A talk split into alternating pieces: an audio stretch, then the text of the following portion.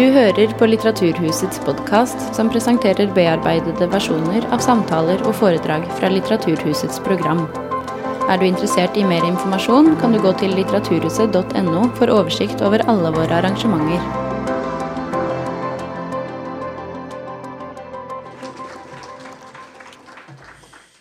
Korleis Fosse skriver om religion og døden. Takk for at eh, jeg får være her og feire verdens første nobelpris til en nynorsk forfatter. Hurra. Ja. ja. Jeg har hatt et nært forhold til Fosses forfatterskap i mange år nå. Jeg kommer fra Stord, som ligger mellom Haugesund og Strandebarm, trygt innenfor det Fosse sjøl kaller sin heimstad, Vestlandet. Og jeg har fra starten av kjent meg heime i landskapet, i språket, og kjent igjen måten folk oppfører seg på, og snakker sammen på. Ja, ja. Dessuten har jeg som kristen teolog også vært opptatt av hvordan Fosse gjennom de siste 30 åra har skrevet om mystikk og kristen tru, både i essays og i skjønnlitteraturen. Jeg blei rørt av melankolia når den kom ut, grepen av gamle Oline som går opp trappene sin siste dag i bind én, og også svært uroa over forfatteren Vidme sitt eh, besøk hos den kvinnelige presten i bind én. Men korleis skriv Fosse om religion og døden? Det jeg håper kommer fram her av det jeg vil seie, er den uløyselige sammenhengen mellom skildringa av konkrete og utsette menneskeliv, fra liv til død på den ene sida, og den stadige referansen til mystikken og den utstrakte bruken av element fra felleskristen arv som bibeltekster og liturgi på den andre. Jeg syns det har et tydelig slektskap med det som for meg er det grunnleggende i trua, at Gud ikke gjør forskjell på folk. Menneska er skildra med innleving, respekt og kjærleik. Ja, som han sjøl har sagt, er han ikke en forfatter som Ibsen som vil avsløre folks egentlige motiv. Han vil heller prøve å sette ord på levd liv, ofte i utkanten av det vi ser. Eldre, døyende folk som fell utafor det gode selskapet.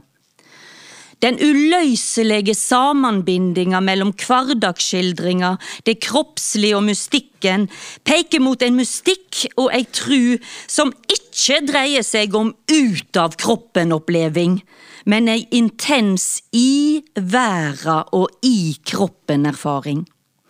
Septologien viser dette tydelig. Mellom alle skildringene av kroppslig forfall og hverdagsrutiner er de fast formulerte bønnene en viktig del av rytmen i bøkene. De første, stadig lesverdige essayene om mystikk og litteratur skrev Fosse i tidsskriftet Bøk, så han redigerte sammen med teologen Jan Kjærstad på 90-tallet. Vi snakker altså om for 30 år siden. Noen har framstilt Fosses utvikling når det gjelder synet på mystikk og religion, som en utvikling fra gnostisisme til katolsk tru. Men når vi leser det som han har ytra om dette i alle disse åra, og helt fram til Nobelforedraget på torsdag, faktisk, så er det tydelig at det er en kontinuitet her når det gjelder det gnostiske, som altså ga navnet til samlinga Gnostiske essays fra 1999, har poenget hele tida vært at mystikken veit noe. At mystikeren, mener jeg, at mystikeren veit noe, har gnosis, altså. Med en gnostisisme som men en gnostisisme som setter kropp opp mot sjel og nedvurdere det kroppslige, fins det ingen spor av. I et intervju i Kirke og kultur fra 2008 med tittelen I min største galskap vil jeg kunne kalle meg en slags kristen, sier Fosse tydelig at det som gjør gnostisisme, hva det nå enn er, umågelig for han, er dualitetstenkinga. Og den helt basale innsikt at form og innhold henger sammen i et kunstverk og ikke kan skiljast, slik kropp og sjel ikke kan skiljast i mennesket. I denne tida var ulike former for kristen mystikk var det ulike former for kristen mystikk han var opptatt av, både i katolsk tradisjon, men vel så viktig hverdagsmystisismen eller mystikken hos kvekerne, kvekerne som morsslekta kjem ifra. For ti år siden blei Jon Fosse opptatt i den katolske kyrkja. På den måten kom han til å tilhøre samme kyrkjesamfunn som kona, og det betyr også at halvparten av de fire norske som har fått nobelprisen i litteratur, er katolikker. Men som alle veit, Undset og Fosse, begge katolikker, er svært ulike. Undset blei kristen i møte med den katolske kyrkja, Fosse var det fra før. Kanskje har de bare egentlig én ting felles. De har begge uttalt seg svært kritisk om den lutherske preika. For Fosse er det slik at men jeg synes det er litt vanskelig å snakke om Gud. Sitat, altså. Problemet kan være at når en snakker om noe, så forsvinner det. Når en snakker om Gud, så forsvinner han. At språket kan være slik, ofte er slik, det veit alle poeter. Det er kanskje derfor det kan være så vanskelig å høre preiker. En sitter på vakt mot at det guddommelige som en har et skjørt forhold til, skal forsvinne. Ellers er det meste hos de to forfatterne forskjellig. Akkurat som den katolske kyrkja nå, etter andre Vatikankonsilet og med pave Frans, framstår som noe helt annet og mye åpnere kyrkje enn den Undset lojalt slutta seg til. I hele forfatterskapet så har Fosse brukt element fra den kristne tradisjonen. Som bibelleser og også omsetter kjenner han godt til repetisjoner og gjentak som litterære virkemiddel både i prosa og poesi, og at gudstjenestas og liturgiens gjentak av de samme orda og handlinger gir fortruende trygghet.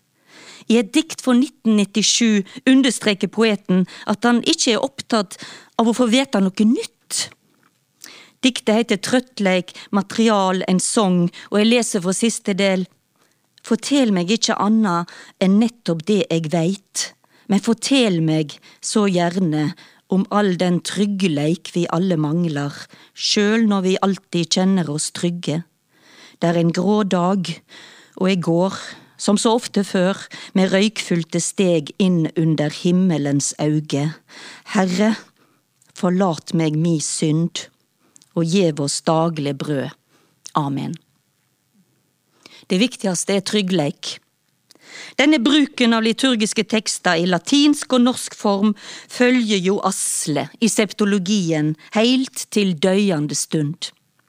Ave Maria blir avbrutt midt i avslutningsbøna et in hora mortis nostre, i vår dødstime. Asle kjem berre til ett inn håra. Det er mykje å seie om den forma for kristen mystikk Fosse er knytt til, og eg vil nå særlig trekke fram nettopp at det er en måte å lære seg å døy på. Allereie i Flaskesamleren fra 1991 har et dikt av Georg Johannessen som, et, som ingress, et dikt som vi nå veit handler om Johannessens døde søster henta fra Ars Moriendi, eller De syv dødsmåter. Et essay fra 1995 heter også Om å lære å døy.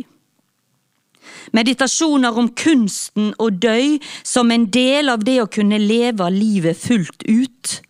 Det er noe som fins i nesten alt Fosse har skrevet, i alle sjangrer. For liv og død på samme måte som lys og mørke, er ikke motstander, men noe krossforma som henger sammen og kaster lys over hverandre, som lysende mørker. Dette er det mye å si om, men jeg vil avslutte med å si noen ord om en brukstekst som allerede har kasta lys over mye mørke, og som jeg tenker er spesielt viktige ord nå, i en nokså så mørk adventstid med alt det som skjer i verden. Etter at tidsskriftet Kirke og kultur i 2008 inviterte norske lyrikere til å skrive salmer ved høve det ikke var mye av i salmeboka, så sendte Fosse inn en tekst som han kaller for nattsalme. Han ville at melodien skulle være folkelig og sangbar, og jeg spurte Andreas Utnem om å tonsette. Fosse likte melodien, og nattsalmen er nå nummer 800, 834 i den norske salmeboka. Det fins ei jord som åpner opp sitt djup av svarte natt, og løgner både sjel og kropp til ingenting er att. Det fins ei natt som møter deg og tek deg mjukt imot, og let deg kvila eveleg, di hand, di sjel, din fot. Det fins fra Gud i alt som er, i jord og nattevrimlel. De sjeler hans, du er hans vær, du lyser fram hans himmel. Foss har sagt om salmen, jeg liker ikke å kommentere det jeg skriver, men jeg håper at salmen er sann. Og så sier han, første strofe er gravferda. Strofa sier det kanskje er noe godt i det, noe godt i det skjulte. Du kjem ikkje vekk derifra, ifra det skjulte. Du er der, i det skjulte. Den andre strofa er ei tolking av den første. Så kjem det et håp i den tredje strofa. Det håpet er knytt til et du som kjem fra Gud. Det finst fra Gud. Salmen syng, salmen syng ikkje at det fins ein Gud, men det fins fra Gud i alt som er. Nattsalmen er en salme som åpner opp i situasjoner der vi ikke har ord, eller der orda blir for små. Amen.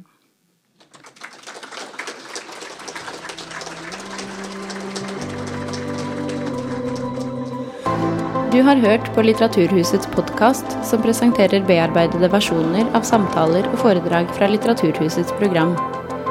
Del gjerne podkasten med familie og venner via iTunes eller Soundcloud om du liker det du har hørt.